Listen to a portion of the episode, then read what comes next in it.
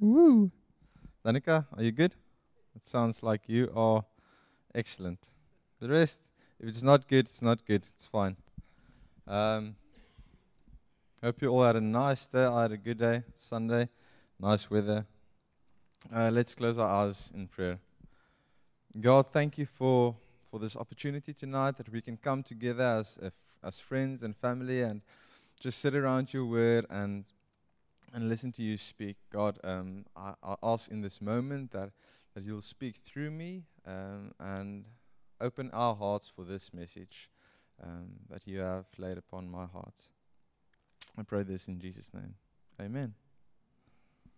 Amen. So, uh, this week I had thoughts. Like every other weeks, we have thoughts. Everybody has thoughts. And this week, I had thoughts and I shared thoughts. I had thoughts on, on heaven and what heaven is like. I just, I just have to say quickly before I go on this year, this is like scary. It's, my boss is sitting here, the musician is sitting here with his notes and making notes about everything. Anyway, I had thoughts about, about heaven, okay? And we all have these thoughts on heaven, on, you know, it's going to be this amazing place streets of gold, walking around, praising God 24 7. And it's going to be 24 7 awesomeness, right? Like just walking around, enjoying every single moment of every single day. And I was wondering to myself while I was sitting, what if this is heaven? Just a thought. What if this is heaven where we are living now in this moment. Because all of us, we are waiting for, for one day when we die to go to heaven. But then the thought came to me, and I, I've thought about this a lot. What if heaven is now? And and clever guy I am, I, I, I shared these thoughts with with a few teenagers, and it's there's there's one of the stuff, and the first word that came up was disappointment. If heaven was now, it's disappointment. They would be disappointment. Like, heaven is this place, people killing each other every day, stealing, backstabbing, backstabbing parents fighting every day in front of us, um, the poverty, injustice in the world, and, and this is heaven, then it's almost like a heaven sucks. I don't want to be in heaven. And that's the thoughts of, of a teenager, of teenagers. And, and by myself, I know, I know the world is not that great of a place, right? It's, it's a bit messed up. If you look around you, how everybody is going on, and, and even your friends, how they're going on behind your backs, it's, it's a bit weird. So, how can this heaven be now? And, and I, and I read this passage where Jesus was teaching his disciples how to pray in Matthew 6, and that part that says, May your will be done on earth as it is in heaven. And, and I was th- thinking about this. Your will be done in heaven, on earth as it is in heaven. And if we pray this prayer, it has to start somewhere. And it has to start with you. If you pray, Lord, let your will be done on earth as it is in heaven. You are asking God, God, use me to bring your will to the people around me as it is in heaven. Now, in Matthew 7, verse 12, I read the following Do to others whatever you would like them to do to you. This is the essence of all that is taught in the law and the prophets. Now, this made me take a few steps back to really take a look at my life. How do I treat others? How do you treat others? The question comes how do I treat my wife in the morning when I wake up? Am I grumpy? Am I friendly? What am I like? How do I treat my colleagues when I go to work? Perhaps when I have a bad day, Uh, do I still treat my colleagues like I should? Do I yell? And honestly, I'm not the, the best person if I'm stressed out. You don't want to be ne- near me. I'm not friendly. I'm, I'm quite just still, and I don't laugh at your jokes. So you don't want to be around me. Now, a lot of people are. We are we short tempered. We yell. We say things. We we regret things later, and that's how that's how we are. But at least, you know, at least we are not like Sarah who cheated on her husband. You know, we're not that bad.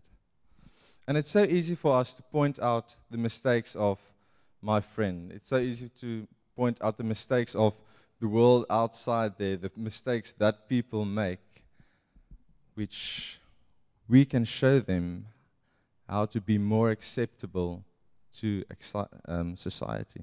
Look at this short clip quickly. It's one minute.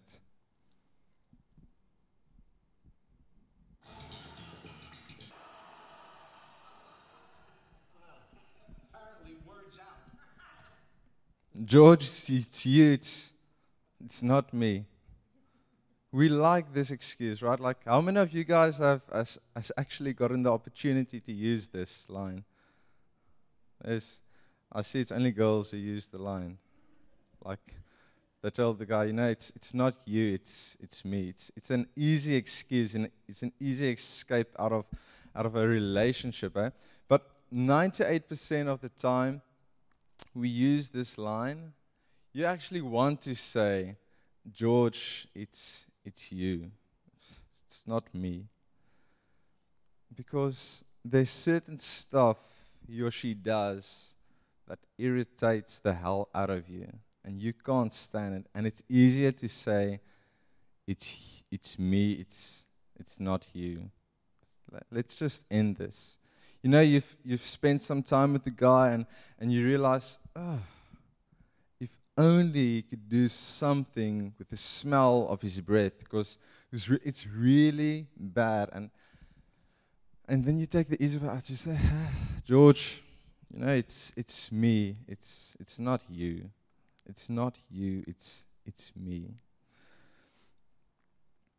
Have you t- take, took some time recently just to, to look around you at your family?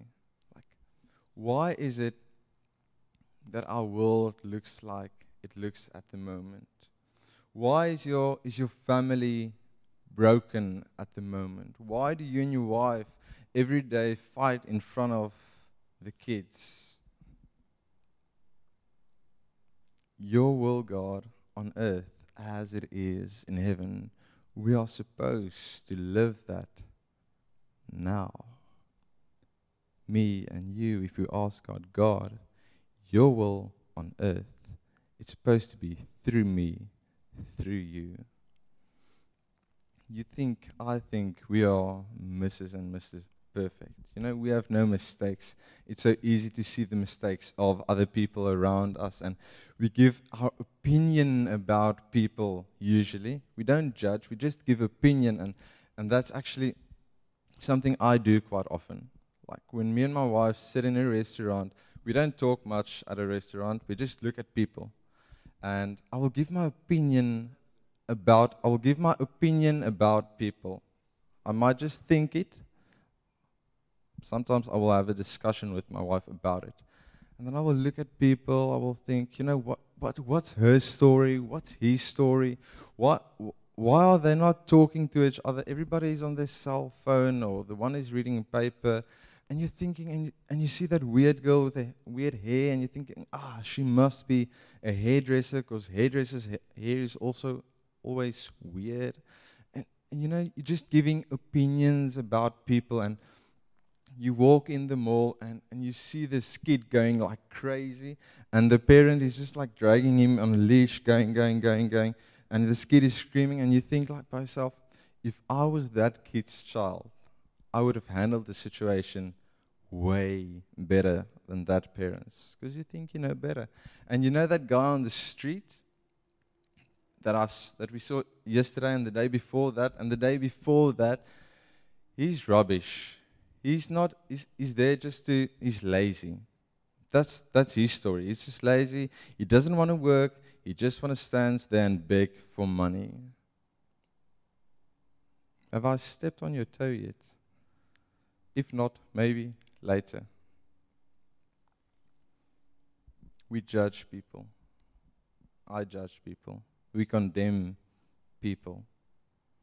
Now, we have seen Jesus prayed in Matthew 6 about God, your will be done on earth as it is in heaven. And we have seen in Matthew 7, verse 12, where he speaks of how we should treat other people. You know, treat them like you would want to be treated. And then we go to Matthew 7, verse 1 to 5. He says, Do not judge others, and you will not be judged. For you will be treated as you treat others. The standard you use in judging is the standard by which you will be judged. And why worry about a speck in your friend's eye when you have a log in your own? How can you think of saying to your friend, Let me help you get rid of this speck in your eye, when you can't see, the past, the, the, see past the log in your own eye? Hypocrite. First get rid of the log in your own eye, then you will see well enough to deal with the speck in your friend's eye. Might there be a log in your own eye? Might there be something blocking your view when you look at other people? We are so aware of, of the mistakes of the ones around me. Now, I can say, she talks too much. She gossips too much. He eats too loud and it irritates me. I can't take it. And I'm sitting there and that girl is so fake. Just look at her. And you're judging people. And you, we are blind. We are blind for our own mistakes. Now, this parable Jesus uses here is actually crazy because I, I, I have a log here behind me. Like, this is a tree stump, actually, a few of them. I tried to make my own tree. It's beautiful. And can you imagine this thing in your eye? Like, it's weird, like a log in my eye, a tree stump in my eye, anything in my eye. It's, it's irritating. And, and Jesus says, first to look at the log in your own eye before you look at the. It's like a, a speck is like a small piece of wood, dust. First, look at the log in your own eye. Me and you have to deal with our own mistakes before we look at the mistakes of others. Now, if you do that, if you first look at the log in your own eye, you will realize something, something profound, something wow. Like, you are still standing here, you are still breathing, you are still healthy, and you still have a relationship with God. No matter the things you have done in the past, no matter what you're busy doing now, maybe you are struggling with judging people. Maybe you are struggling with anger issues. God still hasn't left you. Jesus didn't come to condemn me and you. My shortcomings, He forgives me. And in Him, I am a new creation. If you look at the, the Pharisees, they were very famous in the Bible for, for one thing. They like to judge people. They like to, to bring them to Jesus like, what is this person doing? Look at him. He should be judged. He should be condemned. There's this instance where the, the disciples walk through the fields and they, they eat of the grain, and it was actually on the Sabbath. And the Pharisees was just like, why are they eating on the Sabbath? What makes them special? Then there was the other instance where, where the man picked up his mat after Jesus healed him, and it was on the Sabbath, and he's not supposed to walk that much as he did. And he, and he did. And then there was the other instance, the, the woman who committed adultery. Interesting story. John 8, verse 3 to 11. The religion scholars and Pharisees led in a woman who had been caught in the act of adultery. They stood her in plain sight of everyone and said, Teacher, this woman was caught red handed in the act of adultery. Moses in the law gives orders to stone such a person. What do you say? They were trying to trap him into saying something, incriminating, so they could bring charges against him. Jesus bent down and wrote with his finger in the dirt. They kept at him, badgering him.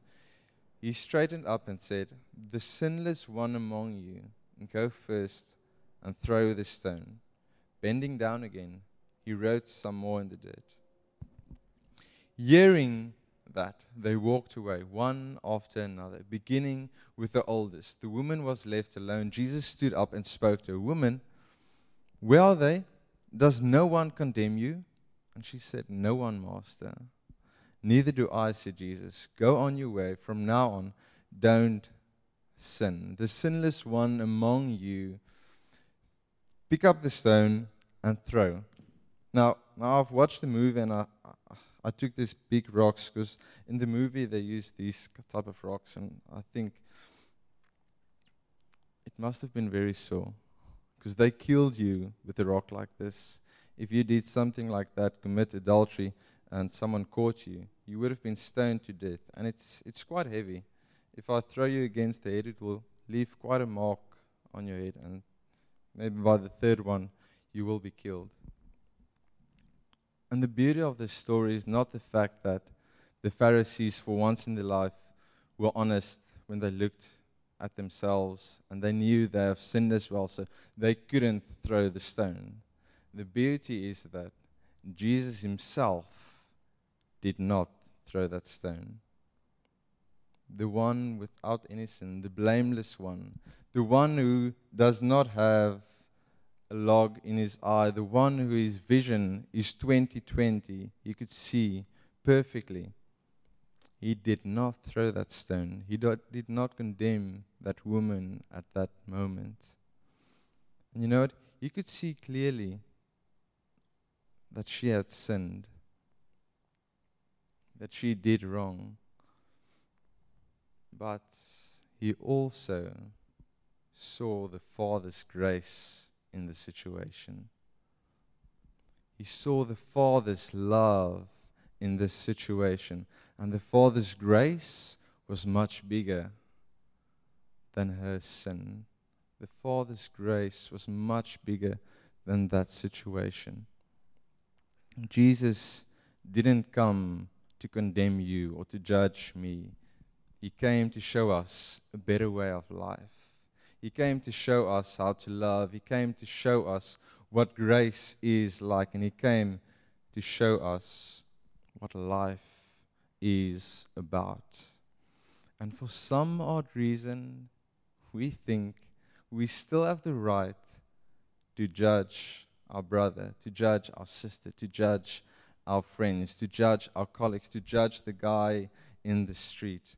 And if you really took the time to take a deep look inside your heart, your thought, your actions, you'll realize something. You know, I'm not that great either. I'm just as bad as that guy next to me. I'm just as bad as the guy on the street.